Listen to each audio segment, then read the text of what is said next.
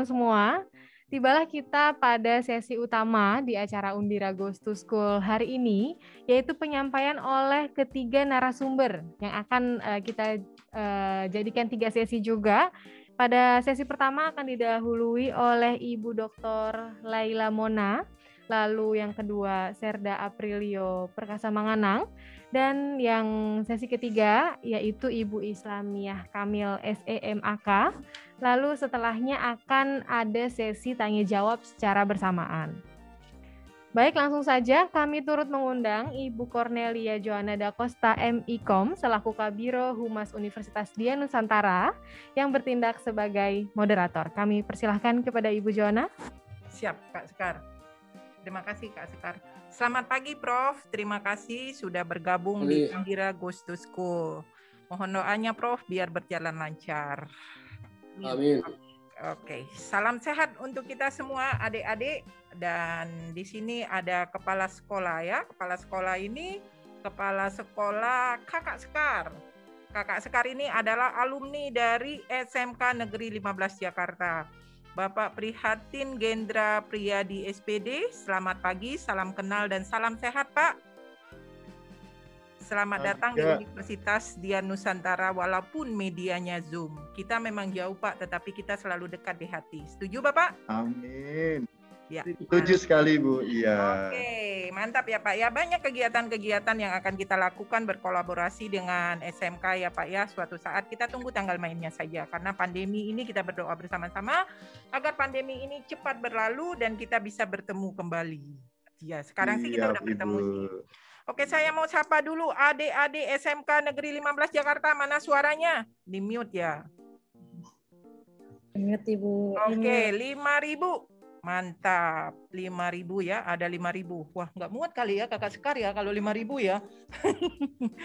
Oke, baik. Uh, pertama kali kita akan mengundang Ibu Mona. Ibu Mona ini adalah ibu yang ahlinya dalam bidang komunikasi. Karena uh, request dari SMK Negeri eh, SMK Negeri 15 itu meminta seorang pembicara yang yang memang notabene ahli komunikasi. Nah, Ibu Mona ini adalah seorang public speaking. Wow, sungguh luar biasa. Beliau adalah seorang public speaker yang di mana-mana notabene sudah ke mana-mana. Nah, coba kita lihat sekilas saja. Boleh ya Bu Mona? Bu Mona sudah bergabung. Selamat pagi Ibu. Anggota Konsorsium Kurikulum Pendidikan Luar Sekolah. Ya, Lanjut lagi, bisa lihat review penerima beasiswa LPDP. Nah, di sini ada Ibu Mona. Mungkin suatu saat Ibu Mona juga akan berbagi ilmu ya ke kita ya Bu ya. Siapa tahu kita mendapat beasiswa LPDP. Setuju Bu Mona? Mhm. Oke, kegiatan akademisnya banyak sekali sebagai dosen tamu. Bisa juga jadi uh, guru tamu ya Bu ya. Guru tamu di SMK Negeri 15 ya tergantung kepala sekolah mengundang Ibu atau tidak. Tetapi harus melalui kita dulu, ya kan dari kita. Benar gak Kak Sekar? Betul sekali. Pendidikan formal banyak sekali sampai akta 3 pendidikan F, FKIP per Program Studi Pendidikan Bahasa Inggris FA IKIP Bandung tahun 1993. Waduh, 1993 Kakak Sekar di mana? Belum lahir. Kakak Sekar belum lahir. Yang benar belum lahir 93. Waduh, lanjut kalau begitu. Nah, peneliti di Universitas Pertahanan. Waduh, luar biasa. Terus lanjut. Lanjut lagi narasumber dan di lebih dari 2000 seminar training. Oh my god, bagi dong ilmunya. Nah, adik-adik, kalian jangan pernah tidur hari ini karena narasumber ini sungguh luar biasa. Kalau kalian tidur, kalian tidak dapat ilmunya hari ini. Oke, lanjut. Narasumber Abnon. Nah, 2021 tidak ada Abnon kali ya Kak Sekar ya? Ada Abnon nggak sih? Nanti kita buat di Undira ya, Bu. Iya, kita buat di Undira lah. Undira tuan rumahnya kami siap membantu. Oke, sertifikasi di Lemhanas. Nah, uh, sedikit saya bercerita. Saya kenal sama Ibu Mona ini sudah lama.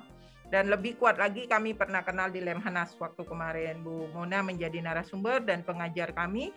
Pada saat itu beliau sungguh luar biasa. Dan hari ini kita mengundang lagi Ibu Mona untuk hadir di Universitas Dian Nusantara. Kayaknya saya kebanyakan ngomong ya. Hmm. Biarin aja ya Ibu Mona aja yang bicara ya. Kasihan nih waktunya tersita. Oke, tidak berpanjang lebar, silakan Ibu Mona membagikan uh, ilmu-ilmunya ke kami dan ke adik-adik. Waktu 15 menit ya, Bu. Terima kasih, silakan Ibu. Iya. Assalamualaikum warahmatullahi wabarakatuh. Waalaikumsalam. Terima kasih Ibu Johanna uh, yang saya hormati dan sayangi Bapak Rektor Undira, Bapak Profesor Haryadi, kemudian juga uh, Bapak Kepala Sekolah uh, SMK Negeri 15 Jakarta, Bapak Prihatin Gendra Priyadi, kemudian eh, Abang Serda Aprilio Perkasa Mangarang, kemudian Ibu Islamiah Kamil, Bapak Ibu Guru, para mahasiswa Indira, dan para siswa-siswi SMK Negeri 15 Jakarta yang saya cintai. Uh, Ibu Yohana, saya dari tadi berjuang agar saya bisa menampilkannya melalui laptop sehingga bisa tampil dengan baik gitu. Saya sudah mempersiapkan termasuk videonya yang seru-seru, semuanya udah saya siapin. Tapi kok ada kendala gitu ya, jadi kita gunakan yang ada saja ya.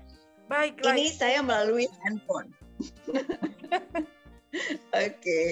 Mohon dibantu ya, mohon ya. dibantu di-share di ya. sana uh, adik-adik semua saya bener nih udah nyiapin uh, gimana caranya supaya bisa ngebahas dua hal yaitu komunikasi efektif dan public speaking.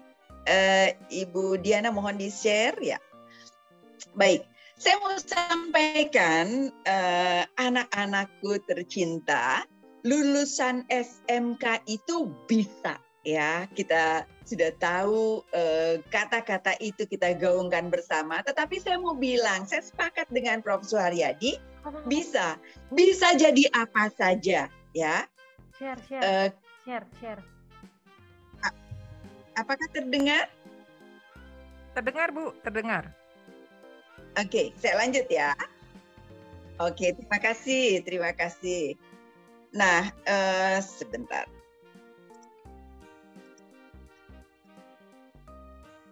Oke, jadi SMK itu bisa apa saja. Banyak peluang tersedia begitu ya, banyak posisi yang tersedia. Uh, jadi pertanyaannya adalah apakah? Jadi kalau ada orang bilang nggak ada kerjaan, sulit cari kerjaan, enggak tuh sebenarnya pekerjaan itu ada, posisi itu tersedia, tetapi apakah kita fit in sampai nggak dengan kebutuhan untuk di posisi tersebut begitu. Itu yang penting untuk kita lakukan. Jadi uh, kita bisa buat pilihan, pilihan kerja, pilihan berusaha atau uh, apa namanya bisnis atau kuliah. Nah biasanya kalau melanjutkan kuliah peluang-peluangnya lebih terbuka jadi saya mau mengingatkan adik-adik tercinta, anak-anakku tercinta, rencanakan hidup kalian atau orang lain akan bikin rencana buat kalian. Yang perlu kita lakukan adalah kita perlu punya rencana. Dan kalau visi itu tidak membuat kita berbuat sesuatu untuk mencapai rencana, maka itu seperti melamun namanya. Saya ingin menyampaikan uh, um, Ibu Yohana mohon konfirmasi apakah suara saya terdengar? Terdengar Ibu, terdengar Dengar jelas Ibu. Jelas. Kita lanjut lagi. Siap Bu. Lanjut, uh, Bu. Saya mau menyampaikan tentang keterampilan komunikasi. Komunikasi itu uh, sesuatu yang diperlukan dalam kehidupan kita. Oke, okay? ada research orang-orang yang berhasil dalam hidup kemampuan teknis berpengaruh 15%, kemampuan komunikasi 85%. Jadi tuh udah keren bisa ini bisa itu, tetapi nggak bisa komunikasi nggak jalan. Kenapa? Karena komunikasi dengan orang lain, karena kita kerja kerjanya itu berhubungan sama manusia begitu. Kalaupun kita berhubungan sama mesin, di mesin itu untuk manusia dan kita perlu menyampaikan itu kepada manusia. Jadi keterampilan komunikasi sangat diperlukan dalam hidup. Lalu keterampilan uh, uh, keterampilan apa saja yang diperlukan? Keterampilan ada uh, sebuah kelompok organisasi para pendidik yang menyimpulkan ada empat keterampilan yang dibutuhkan. Orangnya kritis, critical thinking, orangnya kreatif, orangnya mau kolaborasi, dan orangnya berkomunikasi. 4C. Nah, saat ini saya akan membahas satu saja yaitu komunikasi. Komunikasi diajarkan di perguruan tinggi. Nah, sekarang terkait dengan komunikasi. Komunikasi itu kenapa penting? Karena kita tidak pernah tidak berkomunikasi. Pasti kita berkomunikasi. Kemudian komunikasi itu apa aja? Uh, Bu Yohana bisa lanjut lagi. Komunikasi itu apa aja? Komunikasi itu keterampilan komunikasi ada empat. Mendengar, next. Ini next Bu, Bu eh, Yohana mendengar, bicara, membaca, menulis. Berikutnya, mendengar, bicara, membaca, menulis. Jadi, keterampilan komunikasi yang perlu kita kembangkan adalah kita dengar, mampu mendengar dengan baik, mampu bicara dengan baik, mampu membaca dengan baik, dan menulis dengan baik. Itu keterampilan yang diperlukan. Tapi saya mau ingatkan, jadi keterampilan komunikasi yang paling utama itu mendengarkan. Tetapi masalahnya banyak orang dengerinnya nggak bener. Dia tuh tidak mendengarkan atau mendengarkan yang dia mau dengar atau mendengar bukan mendengarkan gitu. Ada bedanya. Nah mendengar beda sama mendengarkan. Kalau mendengar tuh kedengeran doang. Kalau mendengarkan itu kita fokus uh, atentif perhatian begitu. Nah mendengarkan berbeda Kebanyakan orang tidak mendengarkan, padahal mendengarkan adalah kunci untuk memahami banyak hal. Kemudian seorang pendengar yang baik akan menjadi uh, pembicara yang baik, akan menjadi pemimpin yang baik gitu ya. A good leader is a good listener. Sayang sekali ya ada kendala teknis ya padahal di sini udah banyak sekali ada video-videonya yang seru-seru nih.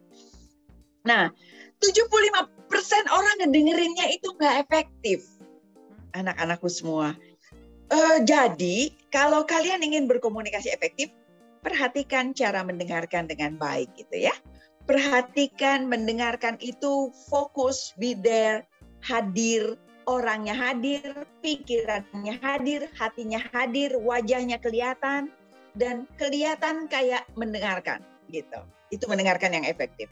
Kedua, keterampilan berkomunikasi, mendengar, bicara, membaca, menulis. Yang kedua adalah bicara. Nah, karena orang bukan pembaca pikiran, maka kita perlu menyampaikan, kita perlu berbicara begitu. Gimana caranya bicara yang baik? Cara bicara yang baik adalah uh, di dalam berbicara itu ada ada dua dimensi. Satu dimensi isi kontennya dan kedua dimensi hubungan. Dimensi isi adalah ketika kita ngomong yang kita omongin itu sama makna. Di kepala saya jambu air. Eh, next masih berlanjut, masih berlanjut. Next after this. Lanjut lagi PPT-nya. Ya, lanjut lagi, lanjut lagi, lanjut lagi supaya lebih mudah difahami ya. Lanjut lagi. Lanjut lagi. Iya, ya. Uh, sebelumnya, sebelumnya, sebelum ini, sebelum ini, ya. Jadi kalau kita berbicara, ketika kita berkomunikasi sama makna. Sebelum ini ada gambar, gambar itu gambar jambu di kepala saya jambu air, di kepala kalian jambu air. Itu adalah sama makna. Jadi kalau ngomong, orang tuh ngertinya sama. Apa yang kita sampaikan itu dipahami sama oleh orang lain. Begitu. Itu adalah sama makna. Kemudian kita uh, misalnya begini, sekarang mau menyampaikan tentang uh, apa namanya hmm, waktu misalnya begitu, tetapi orang lain nggak paham atau tolong ambilkan sesuatu orang lain nggak paham berarti itu belum sama makna. Jadi ketika kita berkomunikasi penting sekali untuk sama makna. Kemudian keterampilan lain yang perlu kita kembangkan adalah membaca dan menulis. Anak-anakku sekalian, membaca dan menulis sangat-sangat penting. Kalau ingin berhasil di dalam kehidupan profesional maupun kehidupan personal, dalam kehidupan sehari-hari maupun dalam pekerjaan, kita perlu mengembangkan keterampilan komunikasi selain dari keterampilan teknis lainnya, gitu ya. Nah, kemudian yang kedua adalah public speaking. Apa itu public speaking? Public speaking adalah bicara di depan publik. Komunikasi juga, komunikasi yang berhubungan sama bicara, tetapi ruang lingkupnya lebih luas. Orang yang kita ajak berkomunikasi lebih banyak begitu, ya. Nah, Kenapa public speaking itu penting? Karena kalau Anda tidak mengatakannya, bagaimana Anda menjual ide-idenya? Kalau nggak ngomong, gimana orang ngerti apa yang kita pikirkan? Begitu. Saya ingin sampaikan, kunci public speaking sederhana sekali, yaitu mau. Tiga kata, tiga huruf, M-A-U, mau. Siapa saja bisa belajar, bisa menguasai public speaking asal mau melalui proses. Di saya ingin bercerita tentang bagaimana uh, pemain uh, sepak bola yang sangat terkenal, yaitu uh, uh, dia adalah uh, Messi ya, Lionel Messi. Messi itu ini sebenarnya saya punya videonya yang bagus sekali. Messi itu dia ketika dia waktu masih uh, kecil umur 11 tahun kira-kira dia punya masalah kesehatan. Badannya itu uh, sakit-sakitan, kemudian fisiknya nggak bagus, akhirnya dia banyak sakit sehingga dia nggak nggak bisa uh, tinggi seperti para pemain uh, sepak bola lainnya gitu ya. Apa yang dia lakukan? Jadi dia tidak berdiam diri.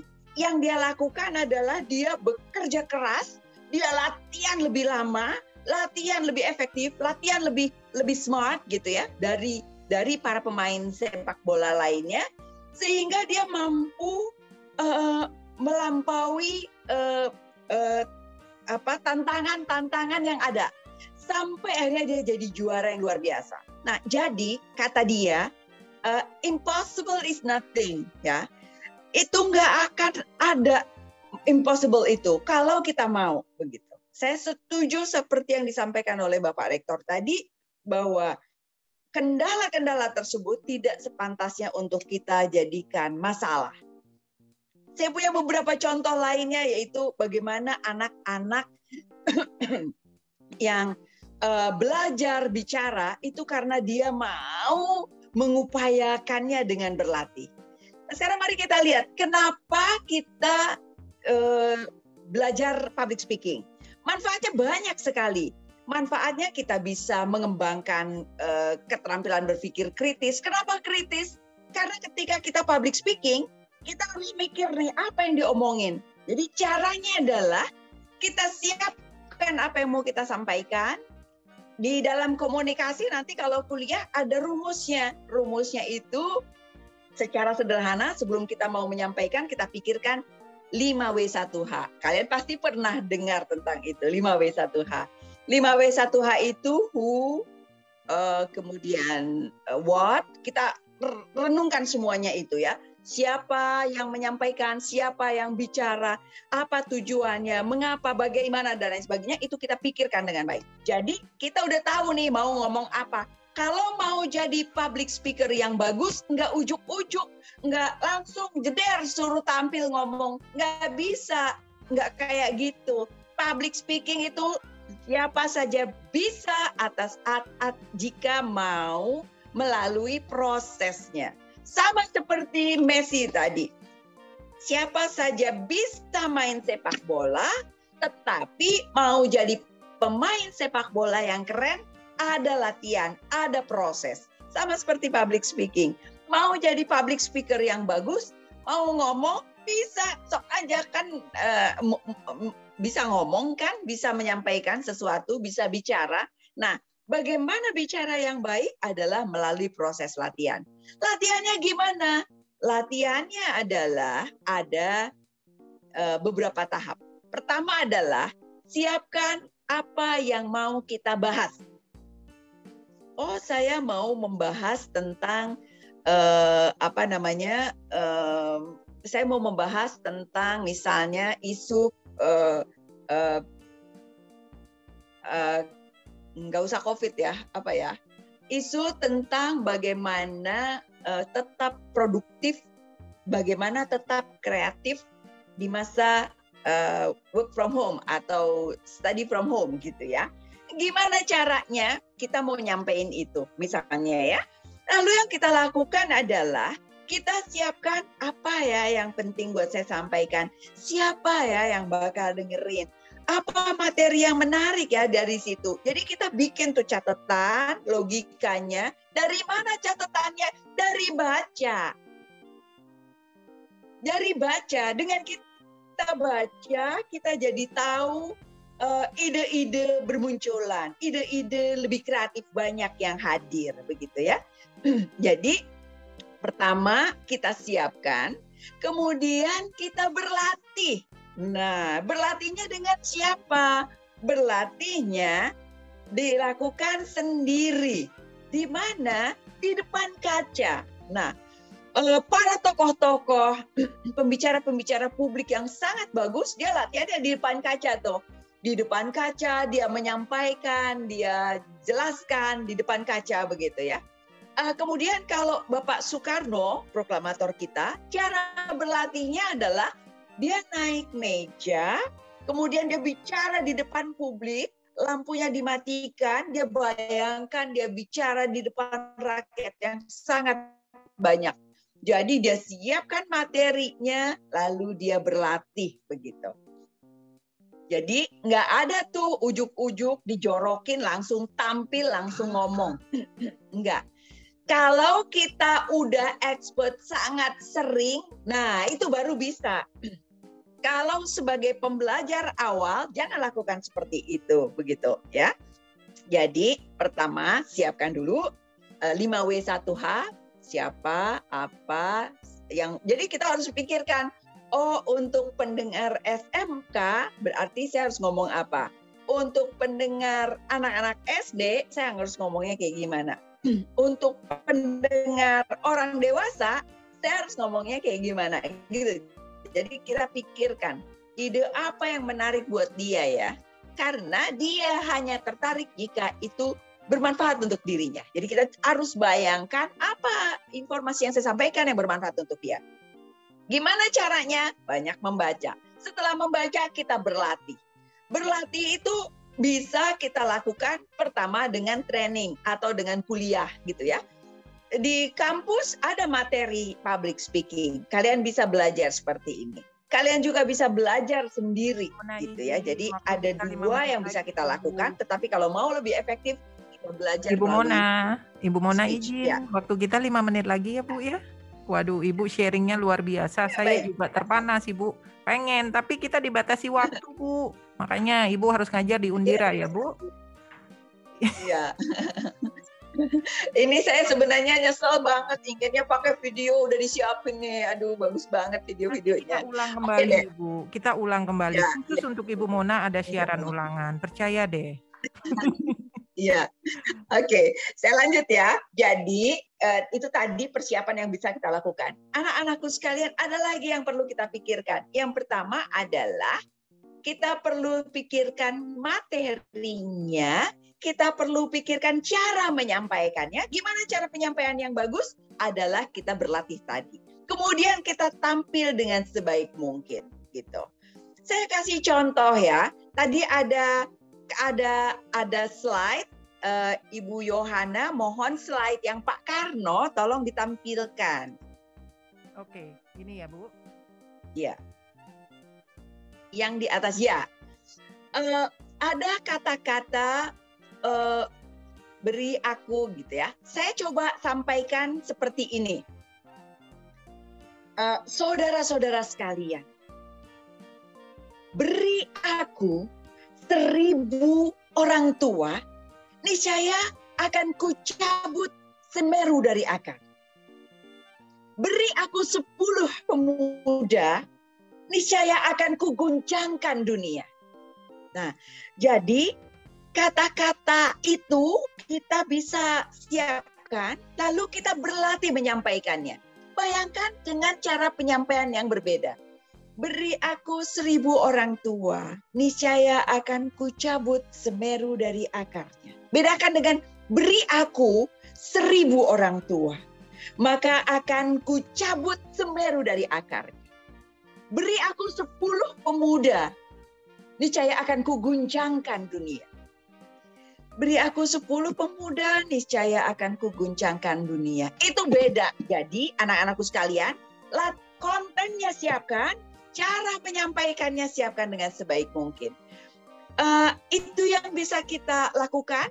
Ada beberapa tambahan kecil sebenarnya ada uh, ada contoh-contoh yang saya sudah sampaikan yang ada di dalam video. Nah, saya mau tambahkan sedikit saja Bu Yohana ya. Cara mengatasi gugup. Cara mengatasi gugup.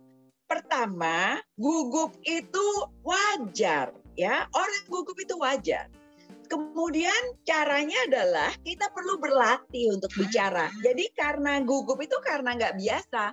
Dengan kita membiasakan diri, kita akan lebih nyaman. Jadi latihan, tingkatkan pengalamannya. Sekali tampil, jangan pernah tampil tanpa ada persiapan yang cukup. Nanti kita udah mulai pikir, kayaknya saya nggak nggak jurusan ini deh. Kayaknya saya nggak bakalan bisa deh. Saya mau bilang siapa saja bisa, pasti bisa asal mau. Jadi persiapan, persiapan, persiapan. Berpikir positif karena sudah melakukan persiapan dengan berlatih dengan sebaik mungkin dan lakukan. Nggak apa-apa, dari situ dievaluasi ini yang bagusnya, ini yang kurang bagusnya, saya harus seperti apa dan lain sebagainya. Nggak apa-apa, ya.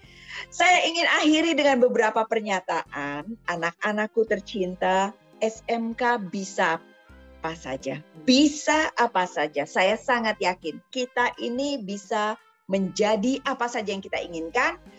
Yang penting efektif action, tindakan-tindakannya efektif dan mau mengupayakannya. Orang yang kebiasaannya tidak penting biasanya bukan orang penting. Dan saya ingin ingatkan, pendidikan adalah tangga tercepat untuk perbaikan kehidupan. Se se semenjak lulus SMA, saya juga ketika kuliah saya sambil bekerja. Langsung bekerja dan sambil kuliah. Dan itu bisa. Anak-anakku sekalian, untuk perbaikan kalian sendiri, lakukan, tingkatkan terus, kembangkan diri terus. Make things happen. Pastikan itu terjadi. Pastikan punya cita-cita dan pastikan untuk meraihnya. Demikian, terima kasih. Mohon maaf jika pada penyampaian ini uh, kurang uh, berkenan dan saya sebenarnya sangat uh, yakin, insya Allah gitu ya, jika uh, tidak ada kendala teknis, insya Allah lebih baik. Terima kasih, sukses selalu anak-anakku, Ibu Yohana. Saya kembalikan kepada Ibu Yohana. Assalamualaikum warahmatullahi wabarakatuh.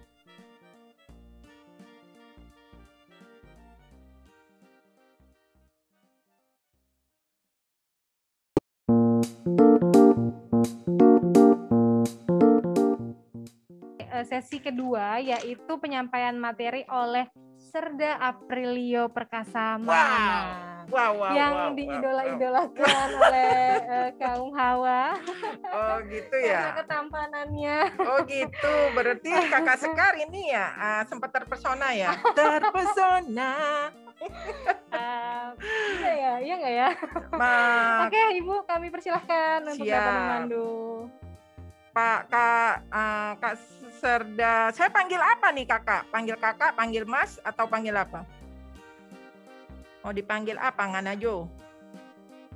Halo. Halo. Ya. Ya, halo. Ya, halo. Oh, ya. sudah gabung ya di sini ya. Mau dipanggil apa, hmm. Nganajo? Mau dipanggil Aprilio kah? Mau dipanggil Perkasa atau mau dipanggil Mangana, Ngana?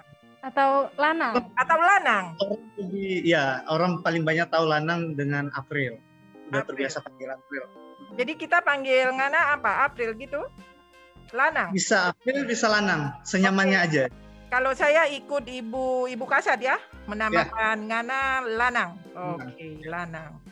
Oke, saya baca sedikit ya tentang Lanang. Lanang ini adalah orang yang sungguh luar biasa. Ah, Lanang bisa berada sampai saat ini karena Lanang adalah orang yang penuh motivasi ataupun orang yang memiliki cita-cita untuk mengabdi kepada negara. Serda Aprilio Perkasa Manganang dipanggil Lanang. Lahir dengan nama Aprilia Santini Manganang 27 April 1992. Usianya sekarang 29 tahun. Masih sendiri kan? Sudah Ya. menikah? Oh, masih sendiri. Masih sendiri. Oke, sendiri. baik kalau masih sendiri. Nah, sekarang saya mau tanya, bagi adik-adik ataupun kakak-kakak yang masih sendiri, Mas Lanang ini masih sendiri. Jadi kalau kalian butuh nomor teleponnya, hubungi saya dulu Ibu Joanna melalui Universitas Dia Nusantara. Setuju, Bang Anang? Setuju. ya? Oke, bagus kalau setuju. Kalau tidak setuju bahaya ini.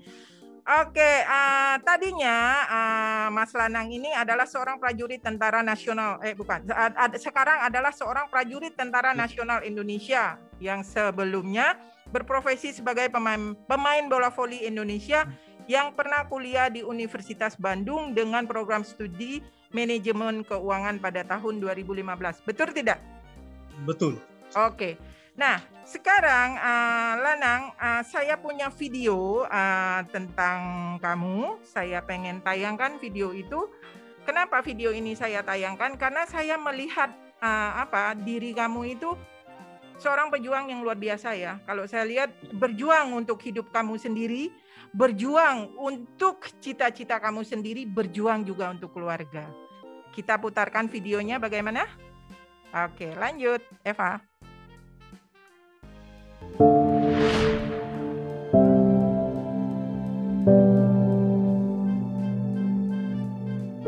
Aprilia Santini Manganang merupakan seorang anak berprestasi asal Tahuna, Kepulauan Sangir, Sulawesi Utara. Berasal dari keluarga dengan latar belakang sederhana, membuat Manganang menghadapi masa kecil yang sulit. Namun hal tersebut tidak menghalanginya dalam meraih penghargaan, terutama sebagai atlet olahraga voli yang mengharumkan nama Indonesia di kancah internasional. Sejak tahun 2016, Manganang resmi dilantik menjadi prajurit TNI Angkatan Darat melalui program Bintara Berprestasi hingga masa kepemimpinan Jenderal TNI Andika Perkasa saat ini. Tepat di usia 28 tahun, Serda Manganang didiagnosa hipospadia. Kenyataan yang baru terungkap setelah melewati pemeriksaan intensif oleh tim dokter RSPAD Gatot Subroto. Sudah siap ya, dia yang principal. Tujuh gitu ya,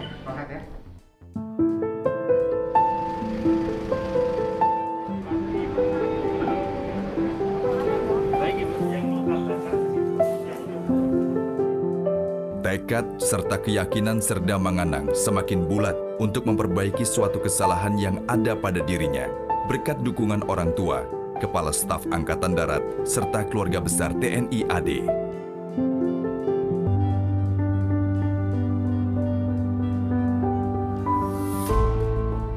Sore ini saya akan menjelaskan tentang salah satu prajurit Angkatan Darat yaitu Sersan II Aprilia Santini Manganang. Rekan-rekan sekalian, seseorang yang kemudian diberi nama Aprilia Manganang tidak seberuntung kita semua. Jadi saat dilahirkan, anak ini memiliki kelainan pada sistem reproduksi yang dalam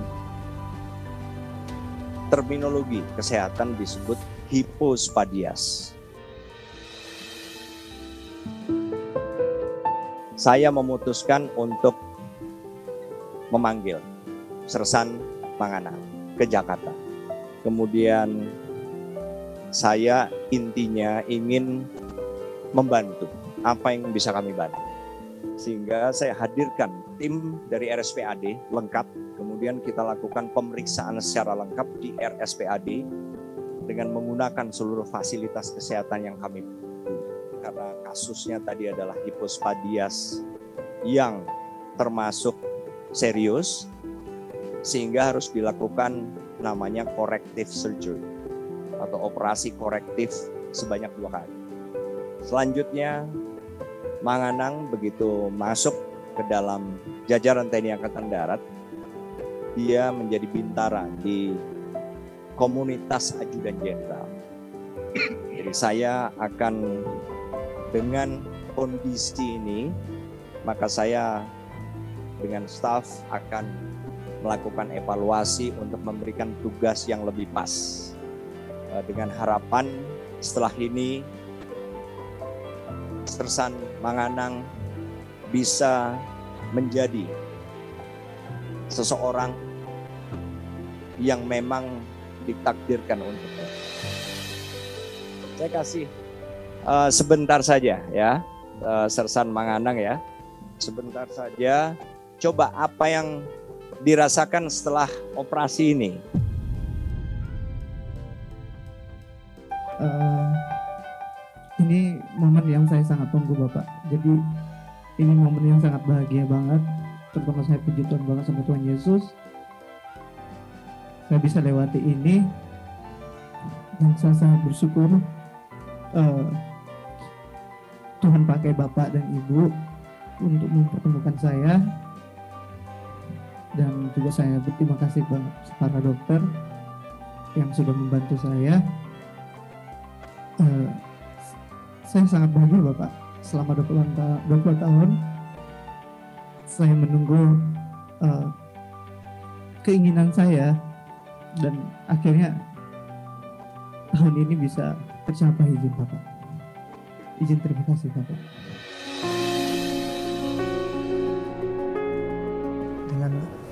hasilnya yang bagus banget dan ya, seneng banget seneng banget jadi kayak aura yang dulu terpendam akhirnya auranya itu keluar dan kayak fresh banget jadinya. Harapan aku pengen jadi orang yang berguna. Suatu saat nanti saya berkeluarga punya anak istri saya pengen tunjukin kasih sayang saya. Terima kasih. Terima kasih banget sama bapak sama ibu. Uh, mungkin nggak ada beliau. Mungkin saya nggak bisa seperti sekarang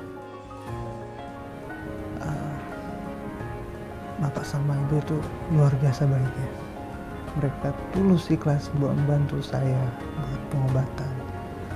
Dan saya nggak mau sia-siakan itu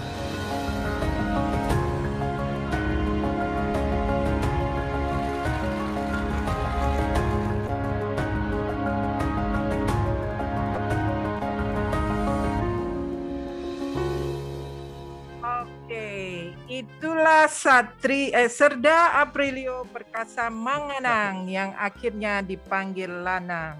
Ngana sudah perkasa Jo sekarang ya. Iya. yeah.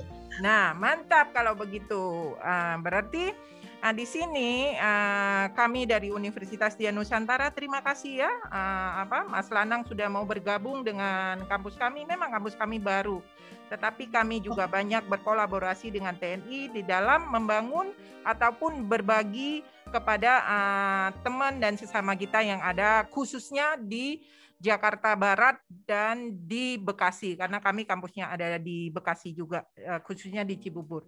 Oke Mang Anang, uh, saya pengen tahu nih uh, bolehkah uh, apa uh, Mas Lanang tuh bercerita? Sebenarnya masa kecilnya tuh seperti apa sih?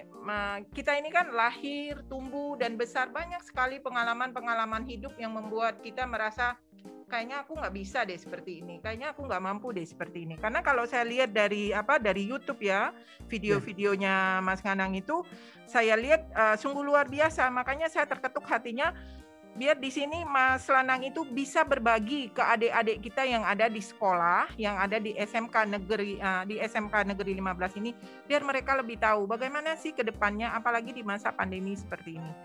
Monggo silakan Mas. Oke. Uh, terima kasih banyak. eh, udah saya di acara ini. Sebenarnya sih dari kemarin agak deg-degan karena saya sendiri juga, aduh mau cerita apa ya tentang kehidupan saya. Banyak ceritanya. Ngubungin kamu itu susahnya setengah mati. Iya, saya orang juga Aduh, kan Kamu orang penting sekali. Sebentar lagi saya sudah mau telepon Pak Kasan nih, Pak Andika. Tolong bantu saya untuk menghadirkan Mang Anang ada di kampus Dian Nusantara. Jia. Oke, saya juga silakan kan bercerita. orangnya yang eh, apa ya kalau bercerita juga, aduh agak gugup. Mendingan saya bertanding atau diapain lah lebih Ya nanti kita main volley lah di sini. Iya. Kan kamu kan jauh. Sekarang kamu cerita dulu deh gimana pengalaman-pengalaman Iya. hidupnya sehingga bertemu kan ada juara kejuaraan kamu yang banyak kamu mengharumkan nama bangsa itu begitu banyaknya. Bolehlah bercerita sedikit demi sedikit dan akhirnya kamu menjadi seorang lanang yang sekarang ini. Bagi dong, share dong, jangan Oke. pelit lah. Makasih lah. Uh, mungkin buat adik-adik ini cerita pengalaman hidup saya dari kecil sampai sekarang. Saya tuh lahir dari dari kedua orang tua saya, papa saya Aldus Akib Menganung dan ibu Suryati Borilano. Saya lahir di Kepulauan Sangihe. Saya dibesarkan dari keluarga yang dibilang tidak mampu. Uh, tapi buat saya itu tidak masalah sih, karena saya tahu uh, kondisi keluarga saya, orang tua saya, pendidikan mereka juga tidak sampai selesai, tapi memang buat saya itu tidak ada masalah. Uh, semenjak kecil, saya hidup sederhana sekali. Saya hidup apa adanya, terus saya bermain pun uh, tidak pernah di eh, tidak pernah bermain sama teman. Hidup saya tuh habis di hutan mencari sesuatu yang berguna buat di rumah, eh, membantu mama, papa. Eh, jadi semenjak SD sampai sampai SM, eh STK, SD, SMP itu saya saya menjalani hidup saya seperti orang orang biasa aja. Dan juga termasuk saya orang yang apa ya kalau dibilang SD itu saya pernah tidak naik kelas itu pengalaman saya Nakal ya kamu ya kalau sampai SD tidak naik kelas itu berarti kamu nakal ya. bukan nakal bukan nakal bu Tanya jadi apa dong? saya tuh orang yang malas banget belajar Oh malas ya. ya karena eh, beda sama kakak saya kakak saya eh, dia tuh peringkat dari TK SD sampai SMA kalau saya tuh orangnya malas banget saya kalau belajar itu mendingan saya bermain dibandingkan saya belajar Hmm. Mungkin ada penyesalan atau gimana yang mungkin masih anak-anak eh, saya tuh bisa membaca aja kelas 6 SD jadi itu baru belajar membaca Baca, sorry, baca kelas 6 SD. Ke mana Iya. aja? Kelas 1, kelas 2, kelas 3, kelas 4. Itu kelas ke mana satu, kelas aja? dua, tiga itu eh, hidupnya udah cuman bermain sekolah jadi kalau kayak kayak guru udah kasih PR itu udah ketakutan pengen nangis pengen nggak mau sekolah. Tapi ya mungkin masih kecil kan bu. Jadi saya, saya jalani aja. Eh, terus akhirnya yang buat saya eh, tidak menyerah saya tahu saya kekurangannya di situ. Saya dari kecil SMP itu saya udah pikir saya kalau di dalam belajar saya pasti tidak bisa. Tapi saya pengen cari kelebihan saya apa? Mhm. Nah, akhirnya dengan kondisi keluarga saya saya juga wah, kalau lihat kondisi orang tua saya dengan hidup kayak gini itu kayaknya buat saya ke depan agak sulit. Makanya saya berpikirlah kayaknya saya harus terjun di dunia olahraga. Jadi waktu SD itu saya udah mulai berpikir saya pengen olahraga tapi olahraga apa? Untuk sekarang waktu SD juga kan bisanya bantu mama mama jualan gorengan di jalan terus teriakin-teriakin. Jadi supaya orang bisa bis- bisa beli gorengannya. Mhm. Eh, bos saya itu tuh luar biasa sih karena mungkin anak-anak sekarang juga mungkin eh, jarang ya mungkin bisa bisa apa yang mendapat pengalaman seperti itu. Karena mungkin eh, adik-adik sekarang mungkin udah lebih maju ya. Karena dengan eh, apa ya dengan media sosial dengan hidup yang sekarang. Tapi Ya, yang buat betul. saya itu dulu saya sangat sulit banget buat dapat sesuatu. Seperti jajan pun saya dari SD sampai SMP itu pun orang tua tidak pernah kasih saya jajan. Saya cuma dibekali makanan pagi. Jadi buat saya itu pengalaman yang luar biasa sih. Dan itu membentuk karakter dan kehidupan saya ke depan. Jadi semenjak saya masuk SMP saya mulai terjun masuk di dunia atletik 2005 uh-huh. uh, saya jadi pelari saya sprinter. Nah saya senang sebenarnya. Saya udah wah kayaknya saya bisa membanggakan kedua orang tua saya. Nah jadi semenjak SMP itu kan saya udah masuk dunia sprinter pelari. Uh-huh. saya dipulangkan karena gender. Jadi uh-huh.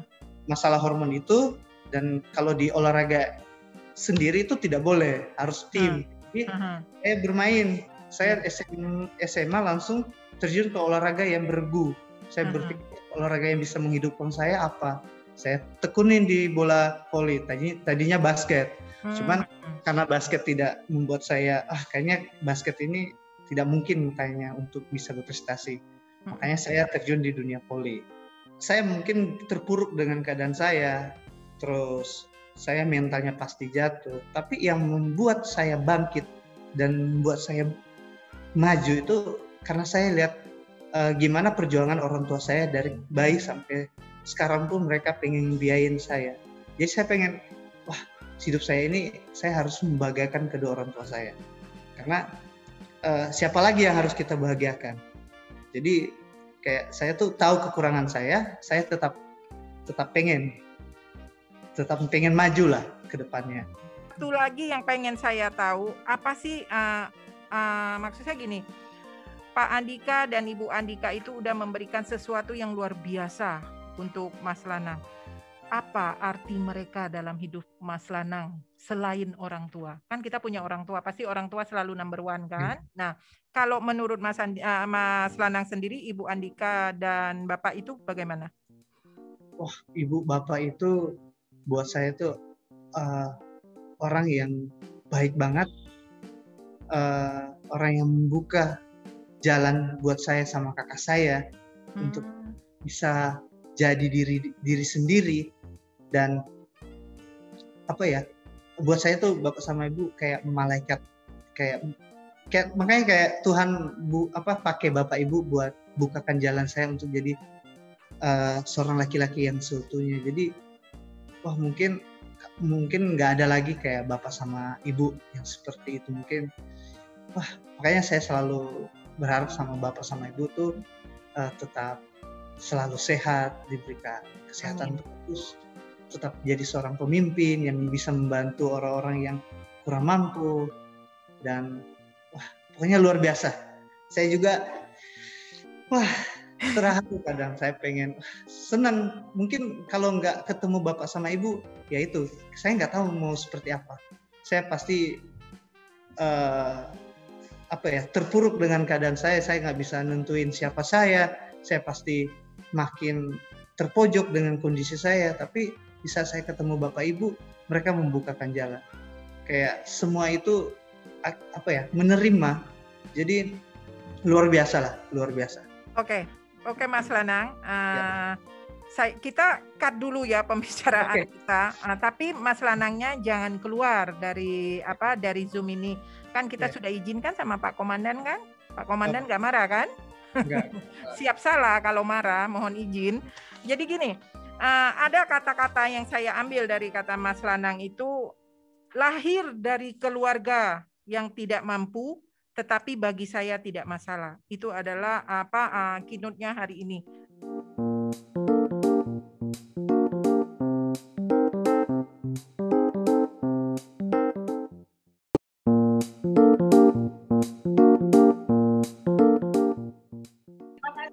Johana luar biasa. Uh, yep. Hari ini saya diberikan kesempatan untuk bisa bergabung di acara kerennya Undira. Ya ini kerjasamanya Umas dan marketingnya Undira. Aduh, speechless, merinding. Dan ini dari tadi tuh sepanjang acara tuh uh, saya pribadi speechless banget, merinding banget dari pertama Bu, Dr. Mona itu luar biasa dengan kepedeannya dalam berbicara terus uh, keberaniannya Mas Lanang gitu ya itu membuat saya juga banyak undira ini membuat saya jadi banyak belajar hal-hal baru. Terima kasih Bu Jo. Oke, uh, kakak, bapak, ibu, uh, saya akan berbicara sedikit tentang uh, sebenarnya karena saya di prodi akuntansi kebetulan kalau saya lihat di sini ada uh, selamat siang Bapak. Prihatin Gerindra Jenderal Priyadi ya kepala sekolah di SMK 15 Bapak terima kasih banyak atas kesempatannya. Tadi Bapak sudah memberikan satu uh, apa ya satu clue gitu ya bahwa uh, ini ada akuntansi nih di SMK 15 gimana nih untuk uh, fast tracknya tuh uh, di Undira seperti apa sih gitu ya. Kemudian Bu ya, Dr. Leila Mona luar biasa. Uh, Ya, makasih banyak Bapak. Kemudian uh, Mas Lanang Serda Aprilio Perkasa Manganang, you are the best ya, luar biasa. Saya sangat salut sekali saya jadi penggemar fansnya Mas Lanang ini. Kasih, eh, eh nggak boleh izin dulu sama Humas Undira, izin izin izin. Uh, Mas Lanang kalau ada yang WA bilang izin dulu sama Ibu Johana, kalau nggak sama Kakak Sekar ya. Iya iya iya. Kemudian Prof Suharyadi, terima kasih banyak Prof atas izinnya buat saya untuk uh, bergabung di acara ini ya. Uh, sangat luar biasa, Bujo kesempatannya sangat luar biasa sekali ya. Uh, kalau saya berbicara tentang akuntansi ya, akuntansi itu uh, mungkin baik yang bilang ah akuntansi itu pasaran gitu ya. Uh, banyak sekali kok yang udah banyak uh, ini akuntansi. Tapi kalau kita melahah lebih dalam lagi, akuntansi bukan sekedar ilmu yang hanya hitung menghitung ya. Saya boleh berbagi screen Bujo sebentar boleh. saja. Boleh, boleh. Kakak Eva ya yang bantu. Ya. Uh, saya Bu bisa sendiri. Terlihat nggak Bujo? Saya punya share Banget screen. kelihatannya. Oh, kelihatan sekali ya. Ini luar biasa Undira Ghost to School dengan tema pengalaman adalah guru terbaik. Ini sangat luar biasa. Saya juga mengalami pengalaman yang sangat luar biasa. Uh, tapi tidak tidak se sehebat dari Ibu Mona dan uh, apa Mas Lanang ya, tapi itu pembelajaran buat saya sekali, motivasi buat saya. Pendidikan adalah masa depan.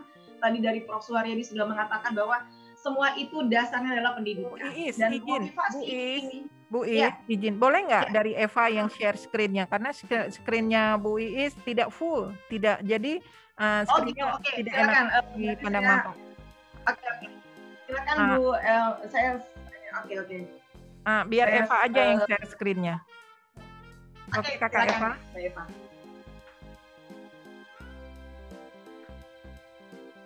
Ya, uh, kalau kita bicara akuntansi sih uh, Bu Jo ya uh, teman-teman hmm. semua adik-adik apalagi yang di SMK 15 ada sudah uh, sudah ada jurusan akuntansi gitu ya. Uh, sebenarnya tidak asing lagi dengan uh, apa mata kuliah hitung menghitung apa pelajaran hitung menghitung. Nah kalau uh, berbedanya. Kalau kita berbicara perbedaan akuntansi di SMK atau di kejuruan dengan akuntansi perguruan tinggi itu memang uh, lebih ke arah analisisnya akan lebih mendalam. Kalau mungkin uh, kalau kurikulum yang ada di uh, apa beberapa SMK ya saya ambil globalnya saja akuntansi itu kan masuk ke dalam keahlian ya. Ada dasar uh, keahlian ada yang kompetensi. Nah itu yang yang saya pahami. Jadi kalau di di SMK mungkin pada uh, akuntansi yang uh, keahlian yang pertama kali dipelajari adalah akuntansi biasa. Ya. Kemudian juga uh, belajar juga tentang perbankan dasar gitu ya. Kemudian juga nanti gitu ya udah mulai ke arah yang lebih tinggi lagi di, di kurikulum SMK yaitu udah belajar namanya akuntansi keuangan. Bahkan ada praktikumnya untuk akuntansi perusahaan dagang jasa dan manufaktur. Itu pasti sudah sudah ada di kurikulumnya akuntansi uh, di uh, namanya mengenal uh, tentang perpajakan ya. Dan yang yang yang memang uh, menarik lagi ini sesuai nih dengan dengan uh, Undira punya visi dan misinya ya bahwa di akuntansi pun juga visinya juga sama akuntansi di Undira bahwa uh, untuk membuat satu uh, apa ya uh, yang lebih uh, balik lagi ke depannya menjadi uh, entrepreneur. Jadi entrepreneur yang yang globalnya itu lebih lebih lebih bagus ke depannya. Nah, ini juga sama. Ternyata di uh, kurikulumnya di SMK itu juga diajarkan tentang entrepreneur. Nah, bagaimana sih uh, akuntansi yang ada di perguruan tinggi apakah sama gitu belajarnya uh, dengan api dalam? pastinya akan lebih menganalisis, akan lebih menarik untuk para adik-adik ya yang memang uh, jurusan akuntansi dan mungkin juga yang memang uh, di luar dari jurusan akuntansi yang memang berminat uh, welcome sekali ya. Tapi memang kalau kita lihat di sini um, akuntansi di perguruan tinggi itu memang ada nggak sih belajar matematiknya? Ada. Tapi matematikanya bukan yang memang uh, berkaitan dengan hitung aljabar segala macam ya, tapi lebih ke arah uh, akuntansi yang uh, matematikanya itu matematika bisnis yang sudah mengarah ke arah bagaimana membangun sebuah bisnis dengan uh, matematis. Nah, itu seperti itu. Kemudian uh, apalagi sih yang yang apa yang yang dipelajari di akuntansi uh, di uh, apa namanya di universitas gitu ya. Uh, belajar nggak ekonomi? Belajar. Makro mikro itu dipelajari ya. Jadi semakin memperkaya adik-adik untuk mengetahui uh, akuntansi seperti apa gitu ya. Nah, kemudian uh, terus mata kuliah akuntansi sendiri ada ada. Bahkan mata kuliah berkaitan dengan dasar manajemen pun uh, ada. Jadi kalau di uh, kurikulumnya akuntansi di SMA uh, eh, SMK ini kan baru dasar dasar dasar. Tapi kalau sudah masuk ke uh, apa namanya aktivitas di dalam uh, akuntansi di apa namanya di universitas itu akan lebih kaya lagi. Lebih kaya materi lebih mendalam dan lebih banyak hal yang bisa digali dan akhirnya memper memperkaya wawasan dan juga keahlian serta kompetensi. Nah, itu yang yang menjadi uh, dasarnya ya. Nah, uh, kalau kita lihat sendiri ya, uh, ada nih yang namanya anekdotnya anak-anak akuntansi. Ini paling sering banget uh, uh, saya suka berbicara sama anak-anak akuntansi. Anak akuntansi itu kan uh, apa ya bahasanya ya, oh itu menghitung, mungkin pusing gitu ya. Tapi anak akuntansi itu ibarat kata ini uh, promosi ah buat mas uh, lanang gitu ya. Uh, pacaran tuh sama akuntansi gitu kan. Angka nol aja kalau hilang itu pusingnya setengah mati. Apalagi kehilangan Bu Iis jangan promosi dong. Kok pacaran sama orang akuntansi? Ampun ini. Kok ngomongnya jadi promosi akuntansi ya? Iya. Mas Lanangnya suruh pacaran sama orang akuntansi. Orang akuntansi itu rata-rata pelit enggak kalau kalau akuntansi pelit itu bukan pelit bukan pelit dalam artian yang gimana ya tapi lebih ke arah banyak mempertimbangkan hal-hal yang harus balance hidup itu harus balance gitu ya. Namanya akuntansi seperti itu. nah ya, uh, memang di di apa di Unira sendiri ya itu kaya banget sama prodi. Ya maksudnya berbagai macam ilmu yang mau e, diminati itu insya Allah ya di Unira itu berusaha untuk memberikan yang terbaik ya ada fakultas tekniknya, ada fakultas bisnisnya, itu luar biasa. Nah, salah satunya akuntansi masuk di fakultas bisnis dan ilmu sosial, ya. Satuan tuh, satu kita satu kubu sama Bu Johana, ilmu komunikasi. Kita masuk di fakultas bisnis ilmu sosial ya, Bu Jo, kita satu tim ya. Aduh, izin Bu Iis, saya ngomong pelit kayaknya ad, ad, saya mau diaduin ke bagian keuangan nih, ngeri-ngeri nih saya nih. Ampun deh Izin ampun kalau begitu. Ditarik kembali kata pelitnya. Kata pelit tadi ya, pelit ya orang akuntansi. nah, kalau dilihat apa sih uh, di nanti di, di di kampus itu apa aja ya di akuntansi itu yang akan bisa membuat uh, apa namanya uh, bidang-bidang terkait. Ini saya lihat di sini nih, Mbak Eva, makasih banyak. Uh, ada akuntansi keuangan, financial accounting, ada auditing, pemeriksaan, ada akuntansi biaya, manajemen, akuntansi pajak. Lebih kaya kan dari kurikulum teman-teman di SMK ya. Jadi semakin tahu gitu, nggak hanya dasar, tapi ada beberapa skup-skupnya. Ada akuntansi internasional, ada nirlaba. Bahkan yang sekarang yang lebih lagi uh, apa uh, uh, akuntansi dana desa, akuntansi pesantren, semua sektor itu kita mulai uh, apa namanya merambah, termasuk artificial intelligence. Jangan salah, sekarang sudah banyak kecerdasan buatan. Akuntansi pun ikut di dalamnya beradaptasi menjadi seorang akuntan yang uh, visioner dan menjadi seorang akuntan yang melek teknologi. Nah itu itu di Undira tuh nanti akan ketemu tuh yang namanya uh, mata kuliah sistem finansial teknologi. Itu salah satu pendukung dari artificial intelligence. Nah, itu seperti itu, kecerdasan buatan.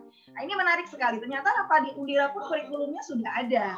Sudah ada dan dunia akuntansi itu tidak kecil.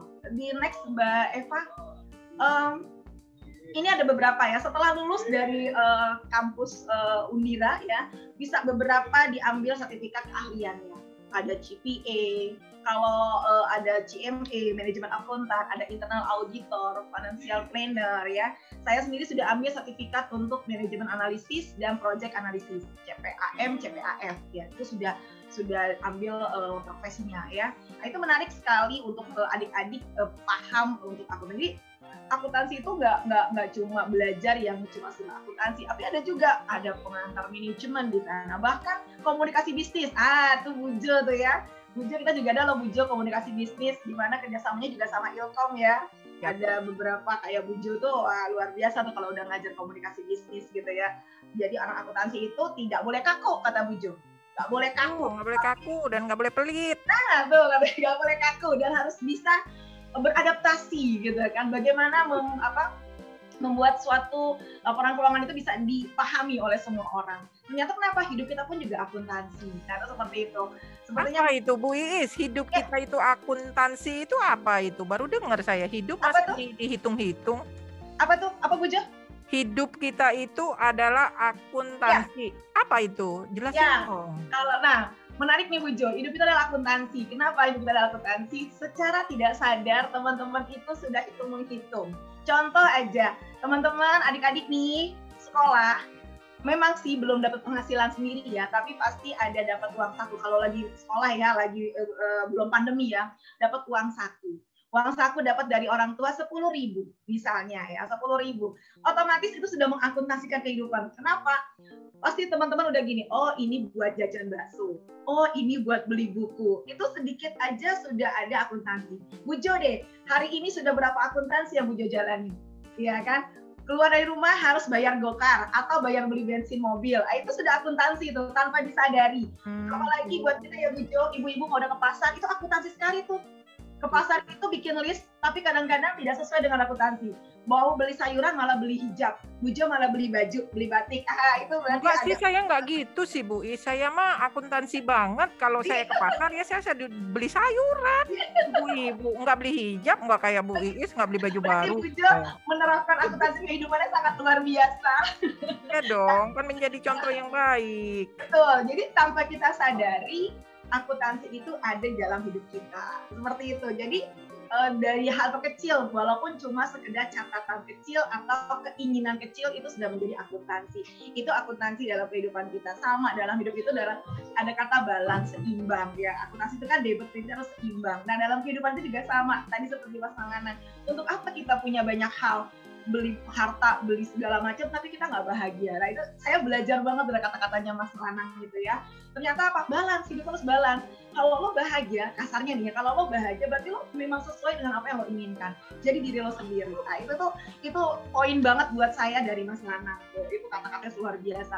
Dan tadi Bu Dr. Mona bilang bahwa uh, pada saat kita itu pede gitu ya punya percaya diri dalam public speaking itu menunjukkan bahwa diri kita itu adalah uh, yang punya satu kemampuan. Nah, akuntansi itu butuh banget seperti itu. Makanya tadi pelajaran luar biasa. Lanjut Mbak Eva, uh, kita akan lihat nih akuntansi. Nah, lihat nih, uh, banyak orang mengatakan akuntansi itu jurusan yang terlalu pasaran, ya. Meski dibilang pasaran nih, gitu ya, tapi jurusan akuntansi memiliki kelebihan tersendiri, ya. Bagi pencinta hitung menghitung, akuntansi oke. Okay. Tapi bagi yang jurusan lain juga recommended kok untuk akuntansi. Lanjut, uh, Mbak Eva, Nah, uh, terus terus saya mau kasih tahu apa aja sih uh, lowongan uh, apa ya namanya peluang ya peluang kerja uh, lulusan akuntansi. Jadi biar nanti teman-teman di SMK itu yang izin waktu dua menit lagi ya Bu Is ya. ya. ya ini uh, tinggal saya kasih tahu aja. Uh, terus Mbak Eva uh, ada di situ beberapa peluang uh, pekerjaan dalam akuntansi. Nah, ini dia ya. Bisa jadi akuntan publik, bisa jadi internal auditor, perencana keuangan. Lanjut Mbak Eva. Bisa jadi bekerja di OJK atau di BI, di pemerintahan bisa. Jadi kredit analis bisa. Jadi uh, PS uh, ASN, aparatur sipil negara juga bisa. Ini peluang di akuntansi. Lanjut Mbak Eka. Uh, terus akuntan pendidik, financial analis, menjadi wira swasta ya. Nah, ini bisa uh, dapat uh, lulus dari uh, akuntansi di perguruan tinggi. Nah, di Undira sendiri kita punya empat konsentrasi akuntansi bujo. Nah, makanya adik-adik di SMK ini yang sudah jurusan akuntansi akan lebih apa ya, akan lebih uh, memperdalam lagi ya karena apa akuntansi itu sen, uh, ilmu seni universal bukan sekedar uh, hitung menghitung dan dia nggak kaku jadi di akuntansi nggak kenal PHP ya, memberi harapan palsu. Akuntansi kenalnya HPP, harga pokok penjualan gitu loh Bu Jo. Nah adik-adik eh, di SMK yang sudah masuk akuntansi, kalau nanti eh, apa namanya eh, lebih ingin mendalami lagi akan banyak tahu bahwa akuntansi di perguruan tinggi itu uh, lebih dalam, lebih menganalisis dan lebih banyak pengalamannya ya. Nah, ini akan membawa adik-adik menjadi lebih uh, peka dengan akuntansi ya. Jadi uh, belajar sekali, apalagi sekarang senang banget sama drakor dan K-pop ya. Wah, kalau udah belajar di sana ada Cuma Bu Iis yang suka drakor. Iya itu dia Bu Yang paling keren itu startup itu ternyata. Bukan. Intelijen itu juga butuh investasi. Investasi adalah akuntansi ya. Jadi investasi adalah akuntansi. Betul. Jadi inti dari uh, apa namanya sharing uh, saya di akuntansi ini adalah bahwa uh, di Undira itu uh, insya Allah prodi-prodinya sangat luar biasa. Nah, jadi ada uh, apa namanya uh, tadi kalau soal tokoh-tokoh inspiratif sudah luar biasa. Saya nggak perlu nyebutin inspiratif di sini deh. Nggak perlu dari akuntan, dari Mona dan Mas Ana bahkan Bu Jo sendiri itu sudah menjadi tokoh inspiratif untuk teman-teman bisa lebih lebih apa ya lebih uh, lebih mendalami lagi. Jadi kalau kita lihat di sini, ayo teman-teman uh, jangan pernah putus asa. Tadi ya saya bilang tadi jangan pernah putus asa. Dan sekali kita belajar tadi seperti yang Bu Jo bilang harus ditekuni karena uh, semua bidang tidak akuntansi aja butuh ketekunan ya. Jadi adik-adik semuanya uh, teman-teman uh, yang bergabung Bapak Ibu uh, SMK 15 ya. Terima kasih banyak nih. Jadi uh, kita dari Undira khususnya prodi akuntansi diberi kesempatan sama Bu Jo juga uh, bisa untuk apa namanya memberikan uh, apa namanya uh, sharingnya ya. Jadi kita punya ada uh, di, kita masuk di lihat di, di Bujo ya ada ilmu komunikasi tuh ada public relation, marketing communication, broadcasting luar biasa ya. Jadi inti dari uh, sharing kita kali ini adalah bahwa memotivasi diri. Apa yang sudah kita tekuni, kita jalani, kita akan harus pantang menyerah. Nah itu seperti itu. Kita harus pantang menyerah. Uh, demikian Bu Jo untuk uh, apa sedikit tentang akuntansi ya. Tadi sudah uh, dikupas sedikit sama saya tentang akuntansi. Silakan Bu Jo, saya kembalikan kepada Bu Jo.